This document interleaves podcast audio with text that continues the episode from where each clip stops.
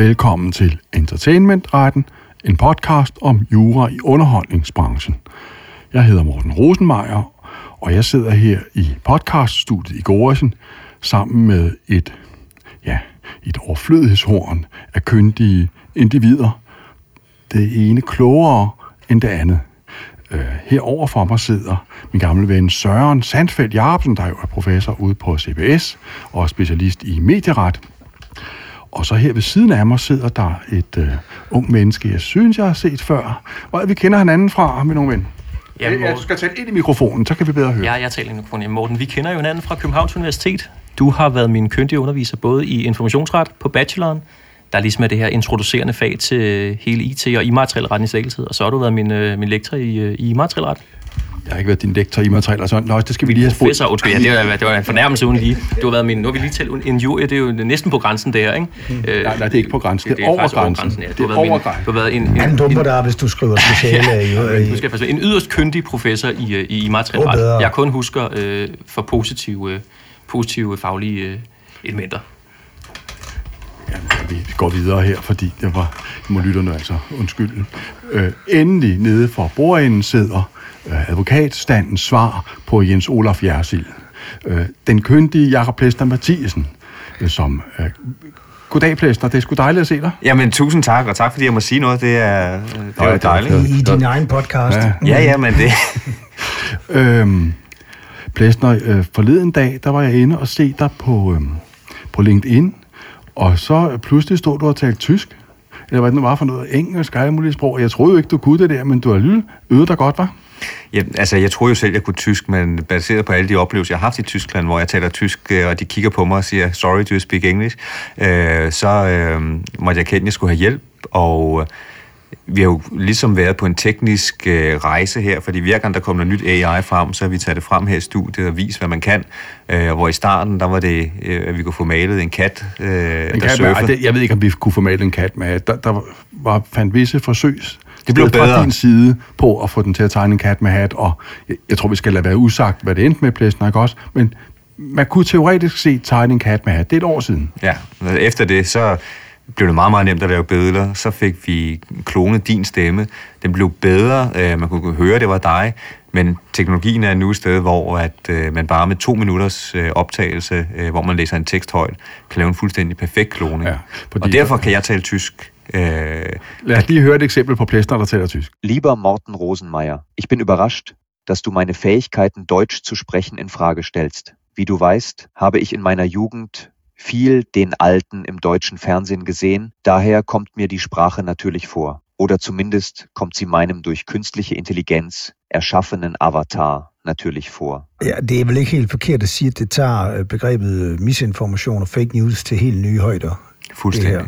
Jeg kan ikke se nu. Ved bare, det eneste jeg skal gøre med et par få minutters øh, video eller tekst, som det er sådan en basisviden, med, hvor man har klonet mig, så det eneste, jeg skal gøre, det er bare ind, at skrive noget tekst ned, og så kan jeg stå i forskellige miljøer og tale, og man kan ikke, jeg kan ikke selv se, at det ikke er, er mig. Og nu har du lo- lojalt øh, brugt dig selv, men i princippet kunne du jo vel mm. indlæse øh, videoer af andre mennesker, og så ja, bruge man. dem. Altså det er det, jeg mener med manipulation ja. og fake news. Du, man kan optræde som en anden, og, og, og man kan så putte de ord i munden på dem, man har lyst til. Og det vil sige, det, det, og det, det fremstår meget, meget øh, autentisk for, for, for andre. Er det ikke rigtigt? Fuldstændig, og det bliver jo det her med også, altså vi havde de sidste, eller en af de seneste podcast, podcast. Man kan også, altså, et af, hvor man kan gøre det ulovligt, det er selvfølgelig klart, bruger man levende mennesker. Og så er der den her gråzone med afdøde personer, som kan blive bragt til live igen, hvor nogen har været død så lang tid, at man godt kan gøre det. Og vi kommer jo til at se en strøm af svindel med det her, på de her mails, man en gang imellem får, hvor man ret tydeligt kan se, at det er, er spam. Men der er stadigvæk nogen, der falder i. Nu kan det blive produceret sådan, så man nærmest ikke kan se forskel. Der kan blive ringet op til folk, hvor at jeg kan ikke høre det ikke af dig, Søren. Der står, siger, jeg står lige her på en, øh, en tankstation, øh, Jakob. Øh, jeg skulle over til møde over i Jylland. Jeg er, forsinket. Øh, du er så lige at altså, overføre lige to, fem Præcis, det tager ja, jo også begrebet øh, identitetsteori, ja. og derfor vil sige, så får det jo også nogle, nogle strafferetlige ja. aspekter af am, det her. Ikke? Am, det, det, altså indtil nu, der har jeg jo altid ment, at, øh, at alt det med internet og digital teknologi var et... Øh, øh, var noget, der havde toppet og var bare ned. Bare. Men jeg må efter, efter jeg så den der deepfake, at Plessner lavet sig selv, så må jeg indrømme, jeg er en true believer. Det der, det er for psykopat. Men, men du troede, det var et overgangsfænomen, ikke? Ja, jeg, jeg, tror, jeg tror, det var noget. Ja. Alle, alle os, der ved lidt om de ting, ja, er jo, ja. mener jo, at det. Jeg må indrømme, det der, Plessner, det var for fucking sindssygt. Og øhm, det er sådan med den teknologi. Kan du huske, at vi fik parabolantenne der? Ja, ja. Det var vel højden af... Det var vel højden, ja, ja. højden der troede vi vel, det ja. var højden af teknologi. Ja, man, man, man, kunne, man, kunne, man, man kunne se andet lige pludselig end Sverige 1 og Sverige 2. Ja, ja, ja nemlig. Og, og, og, så pludselig kom, ja, og, og men, ZDF, øh, altså det var jo fantastisk. Søren Smeick kan ikke lidt for højt, Måske skal Søren lidt ned. Nogle gange for vejen. Øh, undskyld, Nøjs, det er bare lyden. Det er vores lydtekniker i studiet her. Øh, den der, så på lige Ja, til... Øh, det er bedre, det er bedre. Tekniker Morten, han har... Øh, Sådan der. Jeg tror, du skal producere min næste plade, øh, Morten, ja. Men, øh, men det seneste... Øh... Jamen, undskyld mig lige sige, for eksempel, altså med den, hvis, øh, med mindre plæsner er fuld af løv, hvis det der passer, altså at den Jakob Plæsner, der står på LinkedIn og udtaler sig, øh, faktisk bare er en deepfake, så er teknologien nu sådan, så man vil kunne sidde på et Zoom-møde, og så er en, man har kendt i mange år, der taler til en, er i virkeligheden bare deepfake, der bliver lavet real-time. Det er for sindssygt, altså. Blæsner, du kan prøve at lægge det ud på um, Entertainment-rettens uh, LinkedIn-profil måske, den der, du har lavet det. Vi kan jo lave en speciel ind uh, til ja. den her, så du kan se det. Og igen, øh, det tager kun den tid, det tager at skrive tekst ind, og hvis man så er i tvivl om, ja. hvor, hvor lang tid det tager, så kan man bare bede ChatGPT om at gøre det. Og den seneste ja. skud på stammen, det synes jeg lige, vi skal tage med her nu, der er en, en podcast, fordi det er jo ikke alle, der måske følger med i alt, hvad der sker på teknikkens område. Og det er jo, at ChatGPT lige her, inden vi øh, øh, optog, er gået øh, fra at være en tekstbaseret til nu at være en fuldstændig... Øh, øh, hvad kan man sige, stemmebaseret. Du, du kan snakke til den. Ja. Du, kan, du kan snakke til den, ligesom hvis vi har set filmen Her, hvor at øh, Joaquin Phoenix han bliver forelsket i øh, en... Øh, Et styresystem eller sådan noget, ikke? Præcis. Men vi kan prøve at snakke hvad skal vi spørge den om? Nu skal vi ikke være for mange, der taler, det, den er lidt følsom. Hvad siger reglerne om injurier i Danmark? Hvordan er injuriereglerne i Danmark? Injuriereglerne i Danmark er en del af straffeloven. Formålet er at beskytte en persons ære mod angreb. Straffen kan være bøde eller fængsel op til to år. Det er vigtigt at vide, at ytringsfrihed ikke giver ret til injurier. Man skal veje ytringsfriheden mod retten til en ublettet ære. Er det relevant for en sag eller diskussion, du har? Jeg sidder lige og optager en podcast. Tusind tak, det var rigtig god information. Altså, der kan man, der kan man jo se, altså det, det, er, det, det, det er ganske godt at, at et første generations... Det var en fornøjelse, Jacob. Det er ganske godt, godt at, at, at, at et første generations uh, værktøj også. af din podcast. Har du mere på tapetet efter optagelsen? Nu lukker vi. Det er selvfølgelig svært for... Hvorfor taler hun med den der amerikanske accentplæsner? Jamen det er fordi, øh, de er jo virkelig gode, de her. Hvis nu har spurgt på engelsk eller på tysk eller, eller lignende, øh, så havde accenten været... Øh, den havde ikke været der. Den har været ren øh, naturlig engelsk eller tysk. Når vi er over på dansk, så er sprogmodellen stadigvæk øh, trænet sådan.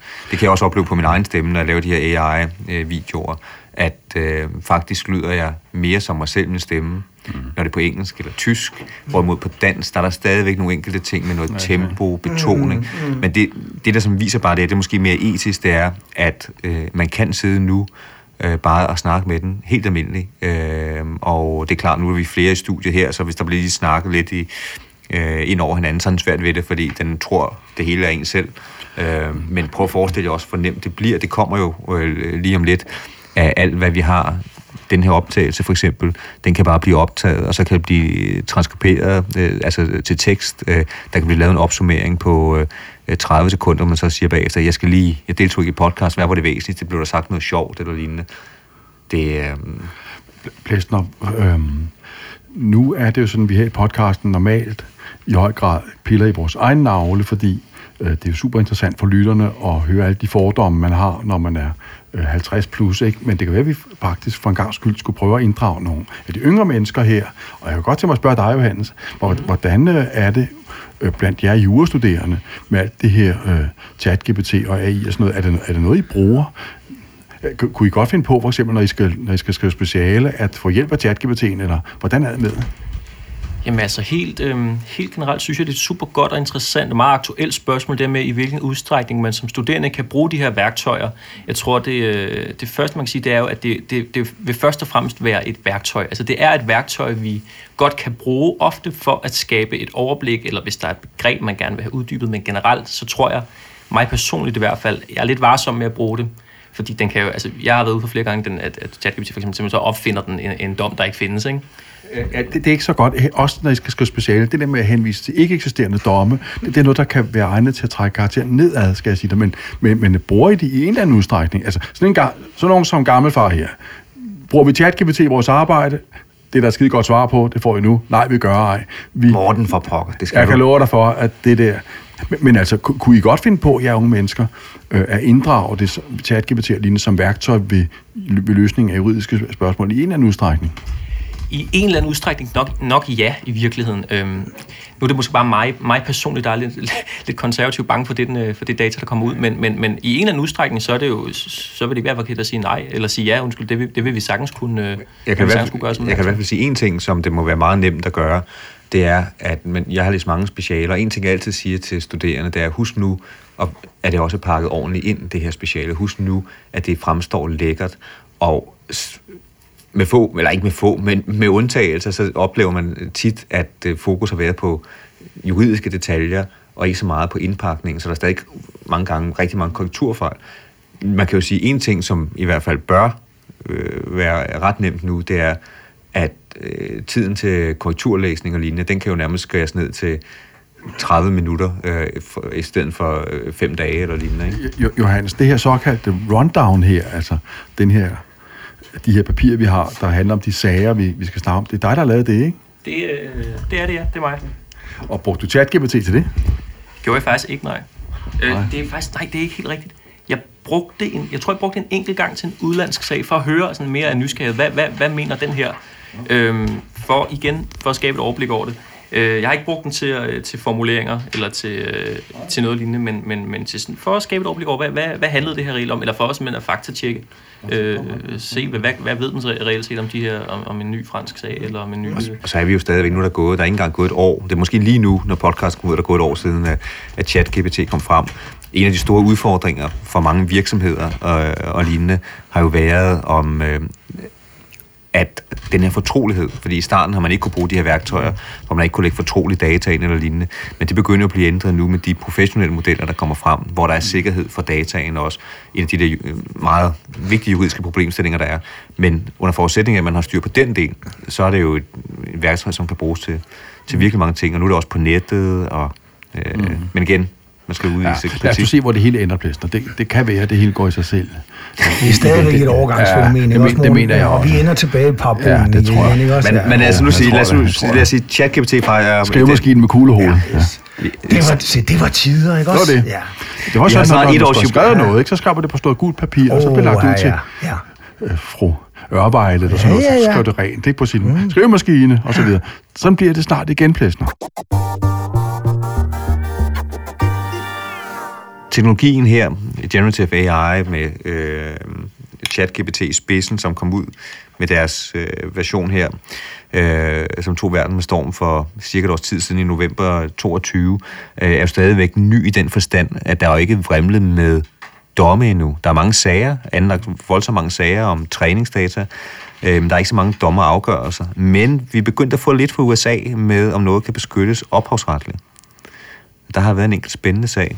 Jeg ved ikke, om en af jer vil kaste jer over den. Jeg, tror, jeg, jeg, jeg, det, det- jeg, hvad, hvad, hvad siger du, Morten? Jeg Det- tror, det, det- er det jo, vil jeg ikke. Nej, men jeg, jeg vil godt... Faktisk lige, må jeg begynde lidt andet sted? du Fordi at, at jeg, jeg har, her har jeg jo øh, altså næsegrus øh, respekt for min ærede kollegas øh, øh, altså dybe faglige viden. Det, det her, det er Mortens øh, område, så derfor er jeg faktisk sådan lidt bange for at begå nogle, nogle fejl herinde. øh, ikke? der, øh, der er ærefrygt. og, og, og komme til at sige noget, noget, noget dumt, ikke? Ja, altså, ja. Så, så jeg tror, jeg vil starte- det bare ud, Søren. Jeg, jeg vil stille, jeg tror, jeg vil stille nogle spørgsmål. stedet. fyrer bare løs. Altså noget af det, jeg øh, overvejer, og, og så meget ophavsret øh, ved jeg dog trods alt, og det det er selvfølgelig også navnlig øh, Morten Rosenmeyers fortjeneste, han har været med til at skrive nogle af de bøger på området, og øh, som, som, som er mest brugt her. Og så, så, så det ved han jo nok alt om. Men i hvert fald, øh, så ved jeg dog så meget, at vi nu har... Det, det, AI fungerer jo ved, den skal have nogle data, der bliver trænet. Det er jo en avanceret algoritme, men den, skal jo, den er jo fuldstændig afhængig af mængden af data. Den, jo mere data den har, jo bedre og mere avanceret kan den blive, jo mere kan den så at sige tænke selv. Altså det vil bare sige, at den kan komme frem til nogle mulige øh, løsninger på nogle øh, problematikker. Så, så det handler jo om datasættet. Og det, det rejser to problemer, synes jeg, op. Og det håber jeg, at min ærede øh, professorkollega vil, vil forholde sig til. For det første er der noget med at hente de her data. De har dem jo sjældent selv. Og det vil sige, at de her AI-generatorer, de her AI-maskiner, software, de skal finde datasæt, som man siger, og træne på. Mm. Så, og så der, der, der surfer man rundt på nettet, og så henter man alt, øh, man overhovedet øh, kan. Det er ligesom den nemmeste øh, måde at få store mængder data på. Så det er det ene spørgsmål, Morten. Er det overhovedet lovligt?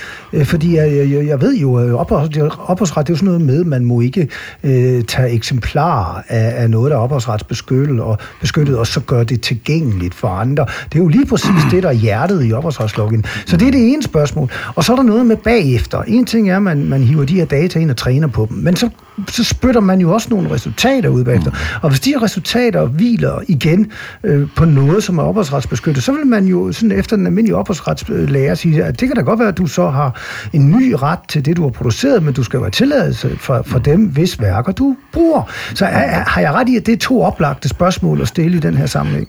Helt ret, det tror jeg ganske bestemt. Og øhm, altså, nu er jeg i den heldige situation, at øh, jeg ved ret meget om det her, fordi jeg har haft cirka 800 altså sted mellem 800 og 830 speciale studerende, der alle sammen har skrevet om AI's ophavsretlige betydning, og herudover har jeg også haft ah, cirka 400 informationsretsstuderende og cirka 300 bachelorrapporter om samme emne, og som jeg også har sagt til de kære unge mennesker, giver AI-teknologien, så vidt jeg kan se anledning til tre spørgsmål. For det første, øh, er det ikke en ophavsretskrænkelse at foretage datahøstningen, øh, som sker, når man programmerer algoritmen. Øh, for det andet, øh, sker der ikke typisk, eller sker der ikke i vidt omfang ophavsretskrænkelser, når man bruger AI'en til at skabe øh, værker med der, bagefter, og endelig for det tredje er det også et vigtigt spørgsmål, kan man beskytte værker skabt ved hjælp af AI, og hvis ikke man kan det, hvad gør vi så med kode og copydan og alt sådan noget i fremtiden? Ad spørgsmål 1, også hvis vi kan få sådan noget øh, musik på og, og lyde fra forelæsningslokalet. Så jeg tænkte, det var sådan der, der, der går lige lidt professor ind nu, Plæsner, nu, ikke? Det går der Plæsner, der, du skal tænke jingler her, ikke også? Altså ja, virkelig gode jingler. Ja, sådan noget. Det, øh, ad spørgsmål 1. Øh, er datahøstningen ikke en ulovlig eksemplarfremstilling? Det er det, vil jeg jo mene, den som udgangspunkt er. Men, men samtidig så øh, skulle jeg også mene, at hvis øh, det, man høster af stof, der ligger lovligt på det åbne internet, og hvis man ellers bare husker som AI-udvikler kun at bruge datahøstningen til programmeringen af algoritmen, så er den sikkert nok lovlig efter enten ophavsretslovens paragraf 11a om midlertidig eksemplarfremstilling, eller også efter den nye paragraf 11b eller 11c om tekst- og data mining. Det er de regler, vi lige har fået Plæster, min dreng. Men er der ikke noget med, Der er kan... både 11B og 11C. Nå, vi skal lige have klippet Plæsters utidige indblanding ud. Plæster, min dreng. Tekst- og datamineringsreglerne står i paragraf 11b og 11c. I det paragraf 11b adresserer den øh, sådan, de kommercielle kræfters muligheder for at foretage tekst- og datamining, mens 11c handler om tekst- og datamining foretaget af forskningsinstitutioner. Øh, reglerne øh, må nok betyde, at øh, Altså, det er sådan lidt bob op. Men kan man ikke op? Der er ikke noget med, man, man skal jo, jo, jo, op, jo, det ind, eller sådan noget, for at få den øh, ud, eller for at få øhm, den beskyttelse?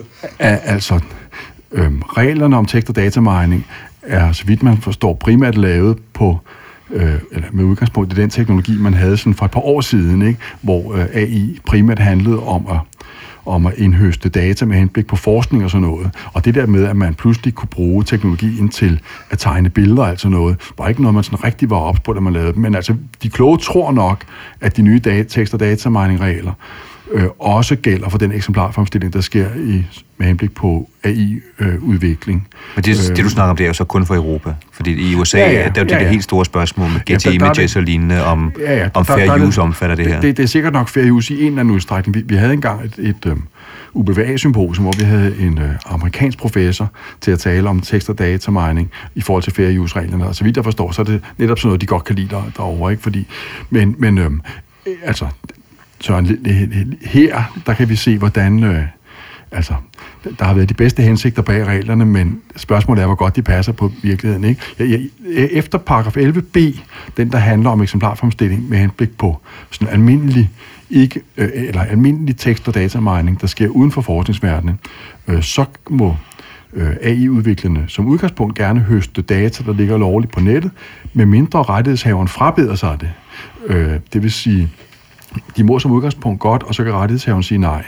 Samtidig ligger det imidlertid også klart, at der er visse former for midlertidig eksemplarfremstilling, der har hjemmel i paragraf 11a, altså den gode gamle paragraf om midlertidig eksemplarfremstilling. Og der er ikke nogen opt-in eller opt-ud mulighed. Men, men må nu spørge bare sådan, ja, ja. Som, som så helt øh, generelt jurist, vil man ikke sige, at øh, så har du to muligvis kolliderende bestemmelser, så er det en øh, lex special. De begge to en samme lov, men så må man mm. kigge på, hvad er der en, der trods alt er mere øh, speciel øh, end den anden. Og det her er vel skrevet direkte til, til AI, så er det vel en lex specialis mm. frem for 11a, eller hvad? Det, det tror jeg ikke, fordi i, i forarbejderne, og, og det står vist også i en eller anden præambelbetragtning i DSM-direktivet, fremgår det, at de nye tekst- og datamining-regler kun skal gælde i det omfang, øh, paragraf 11a, skråstrej, infosok-direktivets artikel 5, ikke allerede kan bruges, ikke? Så, så, så det, det er Horsa-lovgivningen som så vanligt, ikke?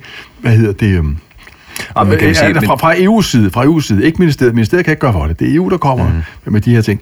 Endelig. Ja, vi er dog selv medlem af EU, er vi ikke? Har vi ikke jo. selv været med til at forhandle det her? Det tror jeg ikke. Nå. Øh, tror, jamen, det er altid... Nå, nå, vi skal lige have klippet det grimme, jeg sagde. Det er en hel forelæsning, du har gang i her. Jamen, jeg er først lige gået i gang. Ja, det kan jeg godt mærke. Det kan jeg godt mærke. Jeg har taget cola her. Det, det, det, det er godt at have Søren med herinde. Jeg synes pludselig, vi får et godt fagligt niveau, Plæsner, som vi ikke er, sådan er vant til. Og det er ikke en kritik af dig eller noget, Plæsner, fordi du gør dit bedste, men man kan godt mærke, at Søren ligesom kan, kan noget, ikke? Øh, så, nå, altså, det vil altså sige, øh, selv, adspørg, vi kan således besvare spørgsmål 1, sådan, øh, høstning af lovlige data med henblik på AI-programmering øh, er i vidt omfang øh, lovlig efter øh, enten paragraf 11a eller de nye øh, tekst- og datamingsbestemmelser. Så kan der være noget med, at man kan opte ud af det sidstnævnte, men ikke de førstnævnte, hvilket er en værre retlig rodebutik. Ad spørgsmål B. Den efterfølgende brug. Ja, øh, der er det sådan, så øh, øh, jeg kan næsten ikke forestille mig en teknologi, der kan lede til flere ophavsretskrænkelser end AI-teknologi. Det, det kan godt være, at der lige nu er en fortælling om, at AI nu skaber helt nye værker, og at øh, eftersom der ikke ligger nogen øh, hvad hedder det, værker lagret i AI, maskinernes hukommelse, altså, de spytter ud igen, og der er kun algoritmen tilbage, at så skal der ingen opholdsretskrænkelse. Men det er jo forkert. Der, der er jo ingen grænser for de utroligt mange opholdsretskrænkelser, der, der vil ske nu. Altså for søren, at jeg har, øh, man sætter sig ned og skal lave en øh, etisk politik for sin virksomhed.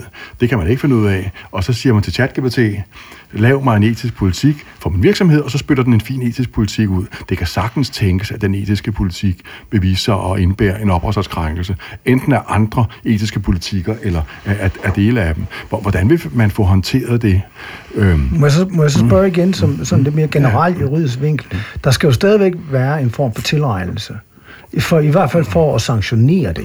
Og nu ved jeg godt, at vi er ja, også i relation til, til strafbestemmelserne, er vi jo i særlovgivning, og det vil sige, at uaksomhed vil jo nok være, være tilstrækkelig. Mm. Men, men er, det, er det så uaksom? Bør vi vide, at når man bruger uh, AI-systemer, ja. så, så, så vil det alt andet lige indebære et ophavsret? Altså, nu plæster kan markere og ja, tror, du skal også have lov. Det er Nej, din det skal, det skal han. Jeg synes, Hvis vi fratager ja, ejeren. Han, der ja, er vel stadigvæk sådan en anden ejendomsret til den her podcast. Du mener jeg synes, simpelthen, jeg fratager plæsten jeg synes, vi mobber, jeg synes faktisk, vi mobber ham lidt. Jeg synes, øh, han skal have lov at komme på banen nu. Og Jamen, der var også noget vigtigt, Søren. du sagde før om morgenen, fordi du, eller Jacob, fordi du selv bragte det, ligesom det tværnationale ind. Vi taler jo meget om EU-regler, mm. meget optaget DSM-direktiv osv., men vi har jo altså en stor hvid verden, og du bragte selv amerikansk øh, ret ind. Måske mm-hmm. øh, kan du så bruge din egen podcast også til at få dine to minutter, øh, hvor du kan ud... Jamen, jeg, jeg, jeg, jeg, jeg er meget bedre over... Måske nok to minutter lige rigeligt. Bedst at få en kort bemærkning. Jamen, det er det. det er, ikke så altså, det, det er jo klart med professorerne her, så øh, bliver der debatteret på en højere klinge. Nej, jeg vil bare sige, hvis vi igen fokuserer på det, som er outputtet, øh, jeg tror meget af det vil også handle om, hvad der er inputtet, altså hvad der er prompten, øh, fordi i de her ting kan man jo selv meget styre, hvad det er, man vil have ud, og det er klart, hvis jeg skriver, det ser vi jo allerede nu, at nogle, de begynder at konkurrere på forskellige måder, de her øh, forskellige øh, motorer, men hos nogen kan man stadig, hos nogen kan man ikke skrive in the style of, og der kan jeg jo tage et kendt navn, så jeg ligesom siger, jeg vil gerne have et ah. billede in the style of. Det taler jo meget i retning af, det der kommer ud så er krænkende, og det du taler om med, hvornår man så er tilegnet, så det bliver så, øh, hvad kan man sige, i hvert fald meget nemt at bevise. Men jeg tror også, man kan komme til at se, øh, noget vi også kan se på mange af de her platformsansvarsvurderinger, øh, at hvis de her platforme tillader de her ting, de tillader, at man kan søge på personnavn, de tillader, at man kan søge på kendte mm. mennesker. Så er det uaksomhed sig selv. Ja, så og, de kan få, med, og de kan få et medvirkensansvar. Og i hvert fald har man, har man med det, medvirket til. Ja. Ja. Jamen, og der er også to, altså en ting at være, vigtig ting at være opmærksom på er, det kan godt være, at man kun kan ramme opholdsretskrænkelser med erstatnings- og strafansvar, hvis der er tilregnelse, altså kulpa og forsæt mm. og sådan noget. Men man kan jo altid tage opholdsretskrænkelser med forbud, selvom... Mm. Øhm, hvad hedder det, øhm, selvom der ikke er det. Og herudover, man kunne sagtens argumentere for, at at AI-udviklerne havde handlet kulpøst ved, øh, bare uden at spørge nogen, at lave algoritmer, der indbærer opholdsretskrænkelser på den måde, samt, og, og i øvrigt skruer grov boksen på det på en måde, der er fuldstændig ufattelig. Altså, jeg håber inderligt i hjertet, at AI-udviklerne ender med at komme til at betale for det her, ikke? og også, at der kan komme en eller anden form for kollektiv forvaltning. Måske en ordning, hvor der er obligatorisk kollektiv forvaltning, sådan så nogle af, øh, af, af dele af AI udviklernes milliardoverskud kan gå tilbage til rettighedshaverne, hvis beskyttet stof systematisk vil blive krænket mm. af det. Men, ja tak, Plæster. Ja tak. Der, der bliver lejlighed til at stille nej, spørgsmål nej, nej. bagefter. For er spørgsmål 3... Nej, morgen, du skal lige høre, fordi... Stille. Morgen, nej, nej, morgen, spørgsmål 3. Morgen, vi klipper dig ud. Du skal lige, det er fordi, det vil være en kedelig podcast, hvis jeg ikke udfordrer det synspunkt. I skal jo være opmærksom på en ting. Øh, I starten, øh, også hvordan den her teknik fungerer. Man kan selvfølgelig guide den hen til i starten, var der måske flere tilfælde, hvor man kunne se den efterligne noget specifikt, mm. Øh, hvor man kunne se det i forhold til billeder. Der var en, en berømt mm. sag om et billede, hvor man hele tiden kunne se den pågældende, hver gang man prøvede at skrive den prompt ind. Men vi ser jo faktisk nogle af de her tjenester, som netop for at skabe sikkerhed, så gør øh, det, at de stiller garanti for, at det, der kommer ud af den her motor, hvis det er billedgenereret eller lignende, øh, at det krænker ikke nogens øh, rettigheder. Det, så vi, det altså, og det er jo noget, de er begyndt på. Øh. Men, men det vil jo være et skridt i sig selv, fordi mm. stiller man en garanti, så hæfter man jo altså objektivt, som vi siger. Altså, det... så, så skal du jo ikke løfte bevisbyrde for, for tilegnelse og alt muligt andre mere sådan juridisk-tekniske ting. Så hvis de virkelig tør det, det, det overrasker det er der nogen, der har gjort. Fordi det, det er at påtage sig selv et meget vidtgående ansvar for noget, de vil dog nok selv er helt klar over øh, og kan styre. Men, men det synes jeg, der er positivt. Men, men lad mig lige begynde igen, Jacob, det der med, med, med amerikansk ret. Altså, øh, som du selv startede med at sige, det, det her bliver jo ikke nemmere af. Nu, nu har øh, Morten jo forklaret, hvor... Han har taget sig varm Jamen altså også, hvor komplekse de her regler er, og, og, og det, det, det hviler meget på, på fortolkning desværre, fordi mm. de ikke er sådan helt præcise affattet. Og så ved vi jo godt, det, hvordan det er. Hvem er det, der fortolker i konkrete sager? Det går domstolen, så vi skal have domstolen på banen. Og det kan jo blive en langvarig proces. Altså, men der må jo være masser af søgsmål i gang allerede, og lurer mig ikke netop om USA, hvor man plejer er stormflod af dem. man meget hurtigt på aftrækkeren. Og det bliver vi jo, vi bliver jo simpelthen nødt til at få det. det. Det er det første, jeg lige vil igen spørge dig om, øh, Jacob, med at uddybe. Hvor er vi henne på retspraksis siden? Men også så lidt som en, en reflekterende bemærkning eller spørgsmål i den forbindelse.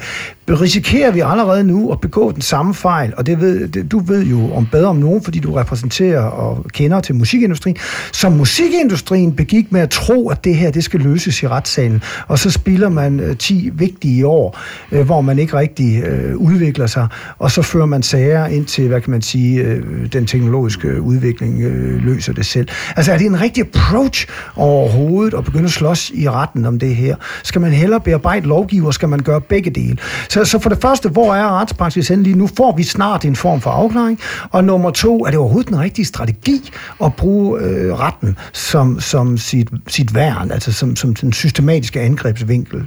Man kan sige, at det første del, altså der er en stormflod af sager lige nu, især i USA, fordi du har fair use, øh, og hvor vi havde en højstretssag her for var det maj måned med Andy Warhol, øh, hvor man netop sagde, at det var ikke fair use, øh, den måde, man havde, havde brugt det på her. Øhm, ikke noget med AI, men en sag, man mener har betydning for, for AI. Jeg tror, det er helt nødvendigt, at man får de her sager, fordi en ting, som adskiller det her væsentligt fra øh, de sager, du nævner tidligere med, øh, jeg tror tilbage i internettets øh, udvikling med musiktjenester, Napster og lignende, der vidste man godt, hvordan teknologien fungerede, men man vidste ikke, hvordan de juridisk skulle øh, vurderes, og det var også lige på et tidspunkt, hvor der kom nye retsregler. Problemstillingen her er grundlæggende set, at der er meget få der ved, hvordan teknologien fungerer. Der er ikke særlig meget transparens omkring, hvad er det for noget træningsdata, man er blevet trænet på, hvordan genererer man billede, hvordan genererer man musik, øh, og derfor øh, så tror jeg, at mange af de her sager skal ses som udtryk for, at selvfølgelig man har brug for præcedens, men man vil også gerne vide, hvad sker der bag øh, facaden, og man vil gerne sikre sig bevis for, hvad der egentlig er blevet kopieret nu, inden de her vi, øh, Men, men beviser så er, bliver er, er retssager selvfølgelig gode, fordi der har vi jo editionsregler, øh, og det har vi Ja, jo worldwide. Vi har og- regler om Discovery i amerikansk ret, altså svarende til vores øh, edition, ja. selvom de bestemt ikke er ens. Men altså, man kan jo bruge retssager til at tvinge i et vis grad oplysninger frem, og hvis man ikke vil bidrage til den her oplysnings- og afklaringsfase, ja, så har det det, det vi kalder processuel skadevirkning. Man kan simpelthen risikere at tabe øh, sagen øh, på det punkt. Så, så, og der kunne igen, som Morten sagde før, om ikke andet kan man jo anlægge nogle forbudssager, fordi under forbudssagen, så vidt jeg husker mine forbudsregler, skal du jo løfte bevisbyrden for i det mindste, at noget er retsstridigt, at nogen har handlet retsstridigt.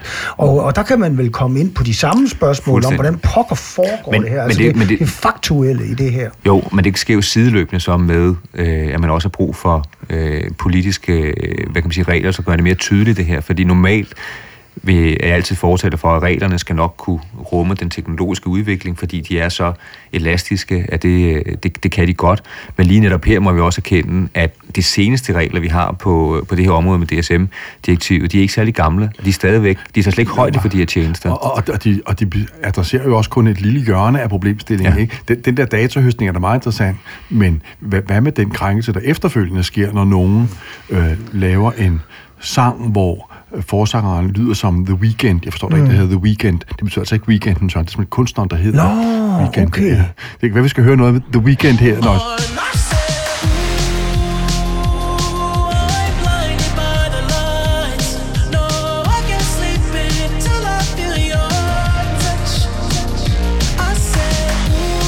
Men, men Morten, må jeg, må jeg så stille dig et spørgsmål? Jeg, jeg, så vidt jeg kan se på, på regeringens øh, lovprogram, det er jo sådan noget kedeligt noget, vi professorer ved. Det, er jo- det er jo så ligesom en bestseller, der kommer hver år. Ja, ja. Man siger, yeah, første tirsdag i oktober, så kommer lovprogrammet, ikke? siger rigtigt. Og der nyder det med en- et glas cognac. Ja, altså om aftenen, ikke? Med, med et glas rødvin, og så lovprogrammet. Jamen, det, det bliver ikke meget større, vel? Men, men Morten, er det ikke rigtigt, at øh, kulturministeren har bebudet en, endnu en ny, vi har godt godt nok lige fået nogle ordentlige ændringer af ophavsretsloven, men, men nu skal der en, en, en mere, og øh, at det er vist nok noget med, man blandt andet vil give den en overhaling på, på hele spørgsmålet om, om AI og sådan noget. Er det, er det, er det korrekt? Øhm. Og, og giver DSM-direktivet, som vi jo taler om her, normalt er det jo sådan noget med, med direktiv, og så skal man passe på med at regulere noget, som ligger øh, ud over direktivet og sådan noget. Kan, kan, man, kan vi overhovedet det her hjemme bare sige, nu, nu filer vi på det her? Nej, øh, apropos det med lovprogrammet, øh, det er rigtigt nok, at øh, der står noget med ophavsret, men det er vist nok lidt en hemmelighed, hvad det kommer til at gå ud på. Nu finder jeg lige her. Øh, Læser du det også med, med, med samme fryd? Som, ja, som, ja, det kan jeg tro så. Ja. Det er det der, man sidder, der skal være fuldstændig ro derhjemme. Ja, det skal der og, altså. Og far skal, Ja. knapper en god flaske op. Ikke? Yes, en, yes. En, en af, af de gode kryer, ikke? Og Ja, så sidder ja. vi rigtig og nyder lovprogrammet Ja. her, ikke? Fra når- ende til anden, Ja, det, jo, Ja, ja, ja. Jamen, selvfølgelig med særlig henblik på det kulturministerielle ja. område, men naturligvis også med visse afstand. Ligesom når du ser troldspejlet derhjemme, Pester, der skal ja. simpelthen være ro i lejren. Så er det cola, der bliver knappet op, ikke? Ja. Men jeg er Ja, glad for at høre, at der er visse traditioner, Morten, som, det er det. som os, der måske ikke er 20 år gamle længere, Ja, det det. vi alligevel holder i hævd, ikke? Det er det. Ja. Altså. Ah, og så kommer der lovprogram. Jeg, jeg tror altså desværre, at det er lidt uklart, hvad det egentlig er, der skal ske inden for ophavsretsområdet. Men, men du, har, du har ret Søren, i altså en sådan nærmere regulering af AI'ens ophavsretlige implikationer, vil jo noget, der i meget vidt omfang vil skulle ske på EU-niveau. Øh, og, og, og det er jeg sikker på, Plæsner, når jeg ser min krystalkugle, så ser jeg tydeligt, at det kun er et spørgsmål om tid, før der kommer dommer fra, e fra EU-domstolen om, er AI skabte værker, øh, eller kan de være krænkende, og hvem hæfter i, i bekræftende fald? Øh, og i, i øvrigt en ting, det, det sidste spørgsmål, som... Øh, øh, som jeg antydede, øh, var, var relevant på området. Altså det der med, at man kan beskytte værker skabt ved hjælp af AI. Øh, det er jeg sikker på, at man godt kan, fordi der tit ligger en kreativitet i den der promptning, der sker. Ikke også, Plesner? Ja, lad mig udfordre den. Øh, ikke øh, fordi jeg nødvendigvis er uenig, men øh, igen, det er en kedelig podcast, hvis vi sidder og Du sidder og simpelthen og udfordrer en professor i ophavsret. Jamen det er fordi, jeg har en anden professor med, som måske kan... Ja. Øh, men, men lad os prøve at se, fordi her har vi jo faktisk noget praksis. Ikke noget praksis, som præcedensmæssigt måske har den største betydning, men vi har jo et system i USA, hvor man kan få registreret øh, ja, sine ophavsrettigheder. Det er ikke nødvendigt, men man kan gøre det. Øh, og der har man jo bevidst prøvet at sætte grænserne med øh, at få beskyttet noget, som er genereret af AI eller med assistance for AI. Og der er der faktisk en, øh, en afgørelse, som går stik imod det, du siger, Morgen. Jamen, vi har vist også behandlet den her i podcast. Men, Ikke den her sag, for den er relativt ny. Er den ny? Hvad hedder den, Øh, Plæsner? den hedder, øh, det er et fotografi, øh, og det, Du kan ikke huske, hvad den hedder. jo, den hedder, men jeg kan ikke udtale det ordentligt. Det Må kan jeg du. se en gang til? Og det er et svært ord, eller hvad? Er det øverste der? Ja. Jeg kan få Øh, min jeg, AI jeg, jeg at vil godt have, at vi beder Det gør om vi. at udtale Det gør ordet. vi. Det gør vi. La décision s'appelle Théâtre d'opéra spatial et porte le nom de l'image qui a été créée à l'aide de l'intelligence artificielle. Hvad handlede den spændende sag om, Plæsner? Jamen, der var en, øh, en kunstner, som havde fået lavet et, øh, et billede via Midjourney. Hvad er mit journey nu, Plæsner? Det er et billedprogram, øh, mm. hvor man via Discord, som er den her, lad os kalde det et chatforum, kan gå ind og få lavet billeder, hvor man skriver imagine, skråstreg, kolon, og så skriver man en prompt ind. Og det havde han gjort, at han havde fået lavet et billede, der var fantastisk flot. Øhm, udfordringen var, at han havde gjort det øh, lidt over 600 gange, øh, som jeg husker det, hvor han, og det, det man skal huske på, hvis man ikke er vant til at bruge de her øh, programmer, det er, at man skriver en prompt, som kunne være, lav et billede af to professorer, som sidder i et studie, øh, så laver den fire billeder, og så kan man efterfølgende ændre på de her billeder, men, men man, kan, man kan ikke være så specifik i sin øh, redigering. Det svarer lidt til sådan et reroll, hvor man ligesom trækker i håndtaget igen, og så kommer der fire nye billeder om, jing, jing, jing, jing, og så hvis man ikke kan lide det, så bliver man ved med at prøve. Så kan man godt ændre lidt, hvis der er noget specifikt i baggrunden, man vil ændre, så kan man strege det ud, og så kommer man med et nyt forslag.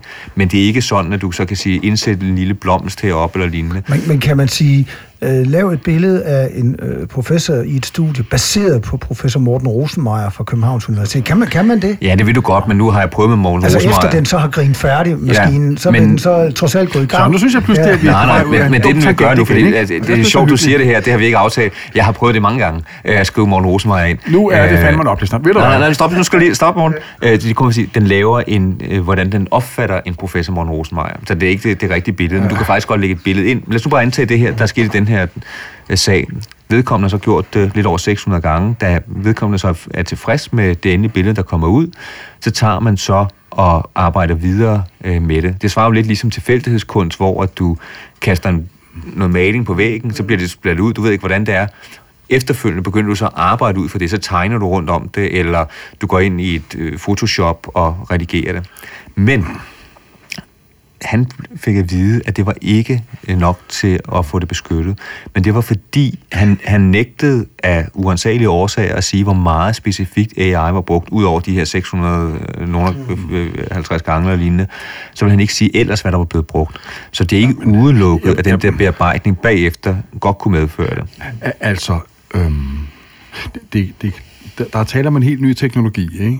Og øh, nu kommer der retspraksis, og noget af del af den retspraksis, tror jeg, vil afspejle en indledende panikreaktion over for alt det spændende nye her. Men jeg, jeg tror altså, at øh, når retstilstanden en dag bliver afklaret, og vi får de der domme fra øh, EU-domstolen og højesteret og øh, så videre, øh, så vil øh, man ende med en retstilstand, hvor den kreative proces, der sker ved betjening af en AI-algoritme, anses for ophavsretligt anerkendelsesværdigt. Jeg- Lige nu sidder jeg og kigger på forsiden af Vistas årsmagasin. Uden på det er der en dansende robot, som I lige kan få lov at se. Det kan være, at kan linke til den ud på øh, øh, LinkedIn. Den er skabt af den grafiker, der hedder Gert Plæsner, som vi havde til det der møde i DSFO, hvor vi havde talt om AI. Øh, han prøvede vist nok 300 gange øh, at skabe en sød robot til Vistas årsmagasin, indtil han til sidst var tilfreds med den her. Og det er da godt være, at... Øh, at, at programmet virker sådan, så han ikke sådan teknisk set modificerer de robotter, der kommer ud, men får maskinen til at lave noget nyt hele tiden. Men det er da alligevel en kreativ proces, og der er da alligevel sådan en kreativ interaktion mellem ham og, og, og, og, og maskinen. Ikke? Øh, herudover, de der prompter, man øh, indprogrammerer, øh, kan tit være meget lange og detaljerede, øh, og vi har EU-retspraksis, der siger, at man kan give ophavsret til øh, 11 ord. Ikke? Altså, øh, Nægeplæsner, jeg, jeg ser tydeligt i krystalkuglen, hvad det her ender med. Det var morsomt at blive udfordret af dig med støtte i PFE, amerikanske domme fra byretten i Oklahoma og sådan noget. Men øh, jeg, jeg tror, Plæsner, vi skal bare holde snuden i sporet, så skal det nok ende godt det hele. Hvis ikke det ender godt, min dreng, ikke, så er det jo færdigt. Altså, så, så, så, altså, så, så kan vi ikke have nogen kollektiv forvaltning af ophavsrettigheder mere. Hvad skal koder gøre? Nå, men, men Morten, jeg vil godt øh, igen også lige stille et spørgsmål mere, så er det nok mere at høre en kommentar fra dig, fordi du siger, altså lancerer, hvad nu hvis, hvis, hvis vi ikke får løst det her, og hvis det ikke går, som du spår, altså at vi har et, et effektivt værn i ophavsretten. Jeg siger det gennem urealistisk scenario. Altså jeg ved men- godt, at nu er vi simpelthen ude i noget, der er fuldstændig fantasi, men så lad os tage fantasiscenariet. Det går ikke, som Morten Rosenmeier spår. Og ophavsretten viser... Okay, det går ikke, som jeg siger. Nå, Nej, nå, det går nå, ikke. Nå, nå, og ikke, op- nå. ophavsretten viser sig at være utilstrækkelig. Øh, eller, øh, du er også, så er du alligevel positiv i forhold til, til at domstolene meget hurtigt kommer på banen. Altså, der er jeg måske lidt mere skeptisk. Vi ved, jeg er enig med, at det skal, det skal for EU-domstolen, fordi det her, det basically er EU-ret. Og det er EU-retten, øh, EU-domstolen, der fortolker EU-retten. Men vi ved jo godt, hvor lang tid det kan tage. Vi skal have en national øh, afgørelse. Den vil sikkert blive øh, indbragt for en højere national instans. Og så vil først denne højere national instans forelægge for EU-domstolen. Og så kan vi køre to-tre år med at forberede den sag. Og der er alle mulige regeringer, der vil afgive indlæg i, i sagen. Og altså, det kan jo tage så lang tid.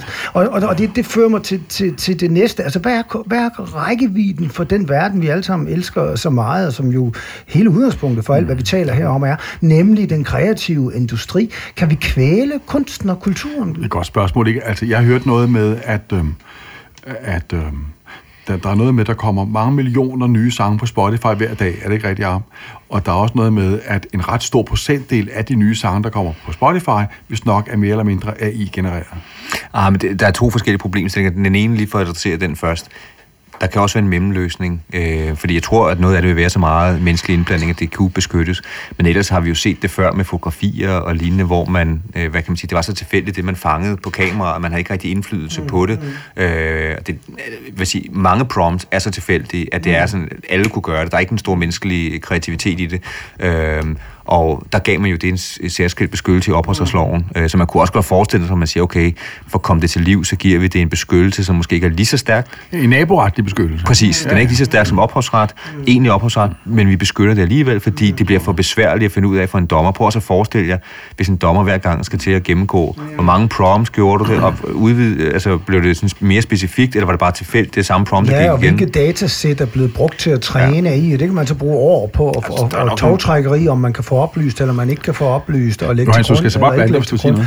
Altså, ja. Der er nok nogle dommer, som vil være glade for, hvis man havde en specifik regelsæt. Ikke? Det andet der, jeg tror, det er rigtigt, at øh, dem, som har onde hensigter, kan jo øh, oversvømme nogle af de her kollektive systemer eller øh, betalingssystemer øh, på det individuelle område, øh, som Spotify og lignende, for ligesom at sige, så får de nogle enkelte kliks, og dermed en del af det, eller det kunne være på andre flader, hvor man så smider en masse indhold ud øh, på YouTube eller lignende for at få måske nogle reklamepenge.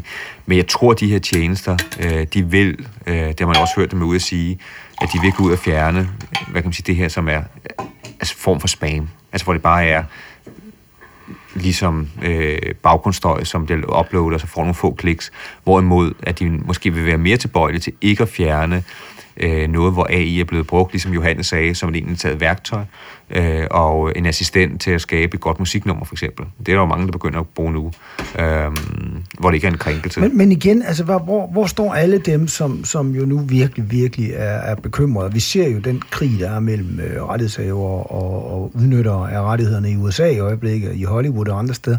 Altså, den her, øh, her er hårdt arbejdende øh, klipper og øh, øh, for, manuskriptforfattere og instruktører og skuespillere og altså hele den altså, det etablerede kunstindustri, de er jo ikke alle sammen mange millionærer og, og kan trække på skulderen, fordi de har penge nok. Mange af dem altså, er virkelig struggle for at make a living, ikke?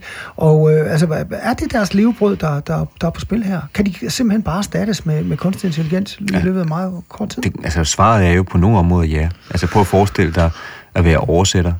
Oversætter, ja. Ja, altså, ja, altså vi har jo selv set, ja, altså, ja. hvor, altså, det er jo noget, hvor at, det er en profession, som har været troet øh, virkelig Indtal, meget. indtal øh, film og lægge stemmer til. Dubbing. Dubbing, øh, nu kan ja, du jo få, øh, hvad kan man sige, det der over, som nogen vil være. Omvendt, øh, hvad kan man sige, er der jo også øh, mulighed for, at branchen kan vækste øh, voldsomt. Der kan jo, altså, som skuespiller kan du igen være til stede på en masse, altså, mm. din fysiske arbejdstid giver, er jo ikke en begrænsning længere nu, hvis du kan blive brugt, øh, i hvert fald i fremtiden. Men det er jo derfor, vi ser overenskomster i, øh, i USA. Vi ser på musikområdet licenseringsinitiativer mellem øh, de store musikselskaber og øh, nogle af de her tjenester. For ligesom at sige, at alt det her, der nu er ulovligt, kan vi ikke prøve at licensere det. Vi ser kunstnere som Grimes, der går ud og siger, at du må godt bruge min stemme. Jeg skal bare have 50% royalty. det er klart, at det er jo nemmere for de store stjerner mm. at gøre det. Det er sværere for, øh, hvad kan man sige, den skuespiller, som skal optræde som jurymedlem øh, i en film i USA, og nu kun i gamle dage måske skulle sidde 10 dage og få 10 dages løn for at sidde stille i baggrunden som jurymedlem. Ja. Nu skal de måske kun sidde der i øh, to minutter og blive filmet, og så kan de egentlig blive kopieret over. Og det er jo derfor, man har de her overenskomster. Og den første, ja, den vandt skulle sige, menneskeheden jo. Øh, fordi der var øh, på, øh, hvad kan man sige, instruktør øh, strækken i, i Hollywood, blev der lavet en løsning, som har lavet noget balanceret øh, på det her område. Og nu ved vi ikke, hvordan det går med skuespillerne, men man kunne håbe, at øh, de også finder en løsning derovre, øh, som sikrer nogle balancerede vilkår. Så licenseringssystemerne, inden vi, øh, hvad kan man sige, melder det helt store, sådan, øh, forfærdelige billede op, erfaringen viser jo, at øh, man kan sige, øh, at systemerne vil kunne, øh, kunne omfavne det her. Ikke? Øh, så det, jeg er sådan rimelig optimistisk. Johannes, ja, du har... Ja, jeg har bare et spørgsmål. Nok øh, mest adresseret til dig, Morten. Nu nævnte du før, at du var, jeg ved ikke, om du brugte ordet for trøstningsfuld, men, men du sagde i hvert fald, at, det, at det ifølge dig øh, var ganske sandsynligt, at, at, det, at det her med AI-genererede værker, det blev en stor øh, ting også i fremtiden. Selvfølgelig bliver det det. Øh, og at du heller ikke var i tvivl om, at det godt kunne beskyttes. Mm. Øh, jeg tænker lidt i forhold til det her med øh, originalitetskravet, der jo flere gange har været... Øh, øh, under både EU-harmonisering og nyfortolkning og alting. Øh, jo, det, det forekommer jo, at det er ret klart, at der skal være en, en menneskelig indsats for, at et værk øh, simpelthen nyde, øh, for at det kan være originalt, og dermed for, det er jo en betingelse for, at det kan være beskyttet efter ophavsretsloven. Øh, noget af det, øh, de, de, domstolen kom frem til i den her dom, som du ikke øh, vidt taler om før, som du ikke tillagde den større øh, øh, hvad skal man sige, præjudiciel værdi, der snakker de jo om at det her med, at, at de traditionelle elementer, øh, der, det blev skabt af AI, og derfor så kunne det ikke, så kunne det ikke nyde ophavsret. Ja, men... Det er en beskyttelse. Kan man, ja, nu skal jeg nok øh, øh, færdiggøre med spørgsmål. Øh, kan man forestille sig, tror du, at, at, at den opfattelse af de traditionelle elementer, sådan i originalitetsmæssig forstand, skal være skabte mennesker, at det kan ændre sig? Øhm, måske nok, altså, men jeg, jeg tror, at øhm, de værker, man skaber ved hjælp af AI i dag, øh, vil for nogens vedkommende øh, have så lidt menneskelig kreativitet i sig, at de ikke beskyttes efter øh, sådan en almindelig værksbedømmelse, og så vil der også være andre, for eksempel robotten på Vistas årsmagasin, øh, der er udtryk for kreativitet, fordi man har været så omhyggeligt, da man lavede prompten. Men altså, det kan godt være, at man, øh, fordi der vil være så mange værker, der falder på den, eller så mange computerskabte ting, der falder på den forkerte side af stregen, er nødt til at indføre en ny naborettighed. Øh, Mås- måske nok, men det er, jo, det er der jo heller ikke noget problem i. For eksempel, vi har jo allerede nu øh, regler, som beskytter visse ting, så længe der bare er ydet en investering. Ikke? Lydindspilning af enhver art for eksempel beskyttes, hvis bare der ligger en arbejdsmæssig eller økonomisk investering bag. Ikke? Og i England tror jeg, de har en regel om, at AI-skabte værker øh, kan være beskyttet, og at retten tilkommer den, der har lavet investering. Det er sådan en regel, de lavede for, jeg ved ikke hvor mange år siden, fordi de, de tænkte, at nu kom der nok snart datamaskiner og skabte værker. Ikke? Men altså, og hele, altså man kan sige, hele den tilførelse, øh, eller hvis man nu skulle tilføje en ny, øh, ny naboret beskyttelse, det øh, udelukker jo så ikke, at man så fra lovgivet side kan beslutte, tænker jeg, at der så er visse enrettigheder, der så ikke gælder. Ikke? Ja, nej, helt, helt enig, og, og det kan også godt være, at det, at det er sådan, det ender øh, på sigt. Nu sidder Plæsner og filmer os på en, på en ubehagelig måde derovre. Hvad er det, der sker nu, Plæsner? Hold op.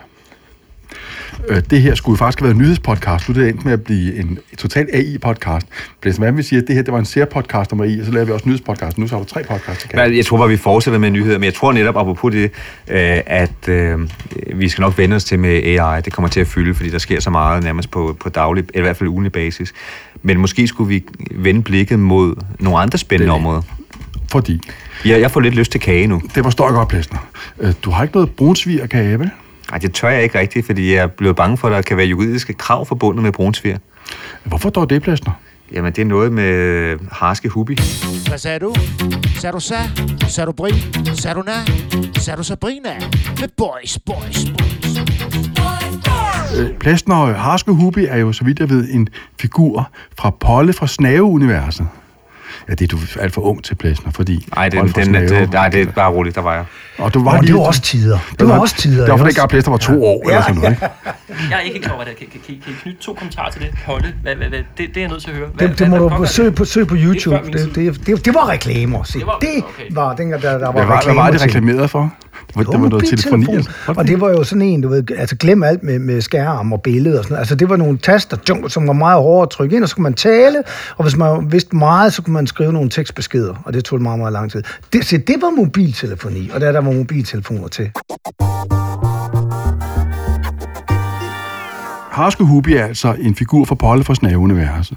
Øh, han spilles af komikeren Claus Skøtte, og på et tidspunkt ville Claus Skøtte lave øh, en video, der handlede om Harske Hubis øh, sådan quasi-erotiske forhold til brunsvigerkager. Hvordan kunne det ende så galt, at Hubbe nu om et halvt år skal møde op som anklaget i Svendborg Byret med et krav for sagsøger på 48.000 kroner for at have brugt et billede af en brunner? Den der video gik ud, eller var lavet på den måde, at han gik ud og fandt Claus Gøtte nogle billeder af brunsvigerkager, nok på en madblok, og så skrev han hen over dem ordene brunner til mig. Brunner er noget, som fynboer godt kan finde på at sige om brunsvigerkager, efter hvad Claus Skytte siger. Jeg har prøvet af på min hustru, som er fynbo, hun kendte ikke noget til de brunner der, men øh, måske er der sådan visse dele af Fyn, hvor man siger brunner. Og han skrev altså så brunner til mig henover, og så sang han også en sang, der handlede om, der hed Brunner til mig. Det gik på melodien til Born to be Alive, som var et hit, som øh, var populært langt før du blev født, Plæsner, ikke? Men øh, det kan være, vi kan høre lidt af det her nu også.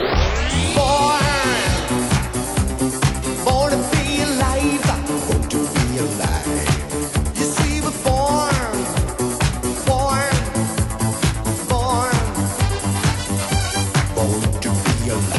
Nå, øh, den fotograf, der stod bag de der brunsvigerkagebilleder, han havde brugt, øh, krævede øh, økonomisk kompensation for Claus Gøtte, og så gik sagen til retten, hvor øh, Claus Gøtte gjorde gældende, at øh, hans øh, YouTube-video her var en lovlig ophavsretlig parodi, øh, og det fik han medhold i i byretten. Øh, jeg tror, det var retten i Svendborg for, for ret nylig. Retten henførte øh, resultatet under den nye paragraf 52c, stykke 10 i ophavsretsloven, den der siger, at brugere af sociale medier skal have lov at uploade parodier. Øh, måske kunne man argumentere for, at eftersom parodien blev lavet før øh, den nye paragrafs ikrafttrædelsestidspunkt, at det så havde været mere nærliggende at bruge det almene parodiprincip, som vi kender fra havfruesagen, men altså, en parodi var det i hvert fald, sagde retten. Og nu er sagen anket Sjørk, sjørk, sjørk, sjørk. af fotografen, øh, som vil have sine penge, og nu går den til landsretten. Og, og det, der er lidt interessant i sagen, er jo, øh, så vidt jeg kan se, hvad er en parodi egentlig? Ikke? Øh, det er der faktisk skrevet en artikel om. Den har været i erhvervsjuridisk tidsskrift for nylig, og det er tilfældigvis sådan Hvem, så... hvem har skrevet det? Ja, hvem skulle Tilfældigvis det? mig, der har skrevet Ja, den. så. nej, det er det. nej, ja, så, øh, okay. det, er det. Der, er, jo- der er jo således, nu skal vi lige blive, øh, i havfruesagen, øh, i ugeskriftet, der er der jo henvist til de betydningsfulde litterære værker, der bare afgør. Det er jeg så helt enig i. Og, og der var især to artikler, som, øh, som havde impact her. Den ene var skrevet af Søren, og den anden var min ydmyge artikel af erhvervsrådets tidsskrift, Nøjes Klapsalver og, og, sådan øh, euforisk, øh, euforisk tilbedende lyde. Øh, Hvad hedder det nu? øh, så- Som, øh, jeg, jeg, tror, jeg, jeg ved ikke, Søren, hvor meget du nørder med selve sådan, det snævre parodibegreb i din artikel, men jeg er i hvert fald lidt inde og nørde med det, og øh, så vidt jeg kan se, så er en parodi i ophavsretlig forstand kendetegnet ved, at man modificerer et værk, eller sætter det ind i en ny sammenhæng på en måde, hvor der ligger noget humoristisk i selve modifikationen. Altså, øh, det, det er ikke nok, at man bruger en værk på en sjov måde. Det sjove skal ligesom ligge i modifikationen, ikke? hvoraf følger, at man for eksempel, så vidt jeg kan se, ikke har lov til at bruge musik i sjove film som Klassefesten, uden at betale til rettighedshaverne, fordi det morsomme ligger jo ikke i, at musikken er med i filmen. Det morsomme ligger et andet sted. Øh, det store spørgsmål i Harske Hubbesagen er, så vidt jeg kan se, om det er sjovt at skrive brunner til mig hen over brunsvigerkager. Det, det er et spørgsmål om, hvor godt retten morer sig. Hvor godt morer I er, drenge? Johannes, hvor godt morer du dig? Du er et ung menneske, du kan ikke lide at have det lidt sjovt. Hvor- godt har, sjov har du det? Jamen, jeg tror, man skal se, altså, både, altså, der er en subjektiv og en objektiv del, ikke? Altså, subjektivt ved jeg ikke, om jeg synes, det er sjovt at være, men altså, objektivt set er det jo noget, der er gjort i humoristisk øje med, og jeg kan da ikke, øh, jeg, kan da, jeg skal da ikke sige mig helt fri fra at øh, kunne, kunne grine en lille smule af det. Men, men, men synes du, der ligger noget sjovt i selve det, at der står brunner til mig hen over billederne, eller ligger det sjove ligesom snarere i det morsomme ord brunner? Altså, det- kan, kan du føle... Kan du, du, Jeg kan godt, jeg kan godt føle dig, ja, ja, hvor ligger det sjove egentlig? Det er et godt spørgsmål. Jeg, jeg, jeg har ikke set den faktisk, eller hørt den del, så det, Jeg kan i hvert fald se, at Plaster sidder og morer så dejligt derovre, så det er kunne lige så være meget et over dig, der Morten. alligevel er håb. Hvad siger du? Ikke noget. Ja, ja, det er jeg enig. Jeg synes, det er sjovt. Det er godt, Plaster. det bliver sjovt at se, og jeg synes, at det er godt at, vi, at se, at vi har et retssystem, der er i stand til at håndtere så vigtig en sag som... Hvad, hvad var det, du sagde ret i Svendborg noget frem til? Fordi igen, er- at, er det en nu har jeg lige lært nu, at, at, øh, at brunsviger er, er vist nok øh, en fynsk øh, foretagelse, særligt. Har du, var det ikke det, du sagde, morgen?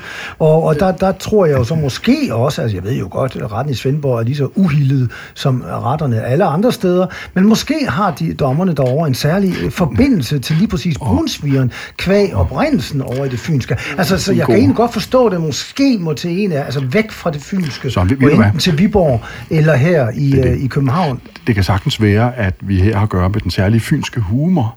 Øh, Den, den kender jeg også fra min egen hustru. Ikke? Jeg kan huske, hvordan hun øh, engang viste mig sin poesibog fra da hun var barn, og så stod der en vittighed, den lød hænderne op eller bukserne ned, en af delene vil jeg se.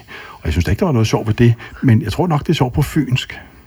Jeg tror, at jeg tror, at din hustrus humoristiske sans ligger helt åbenlyst i valg af livsledsager. Men, men lad, det nu, øh, lad, lad nu det ligge. Jeg tror, vi går videre. Her slutter første del af vores nyhedspodcast. Gæsterne og ikke mindst retspraksis havde så meget på hjertet, at vi ikke kunne nå at få det hele med i en enkelt podcast. Vi stopper den derfor her og fortsætter i næste episode, som vi også håber, I lytter med til. Tusind tak, fordi I lyttede med på første episode. Har I spørgsmål, ris eller ros, jamen så skriv meget gerne til os på LinkedIn, så vi kan få kommentarer fra jer. Det er vi altid meget lydhøre overfor. Tak fordi I lytter med. Du har lyttet til Entertainmentretten. En podcast fra Goisen Federspil.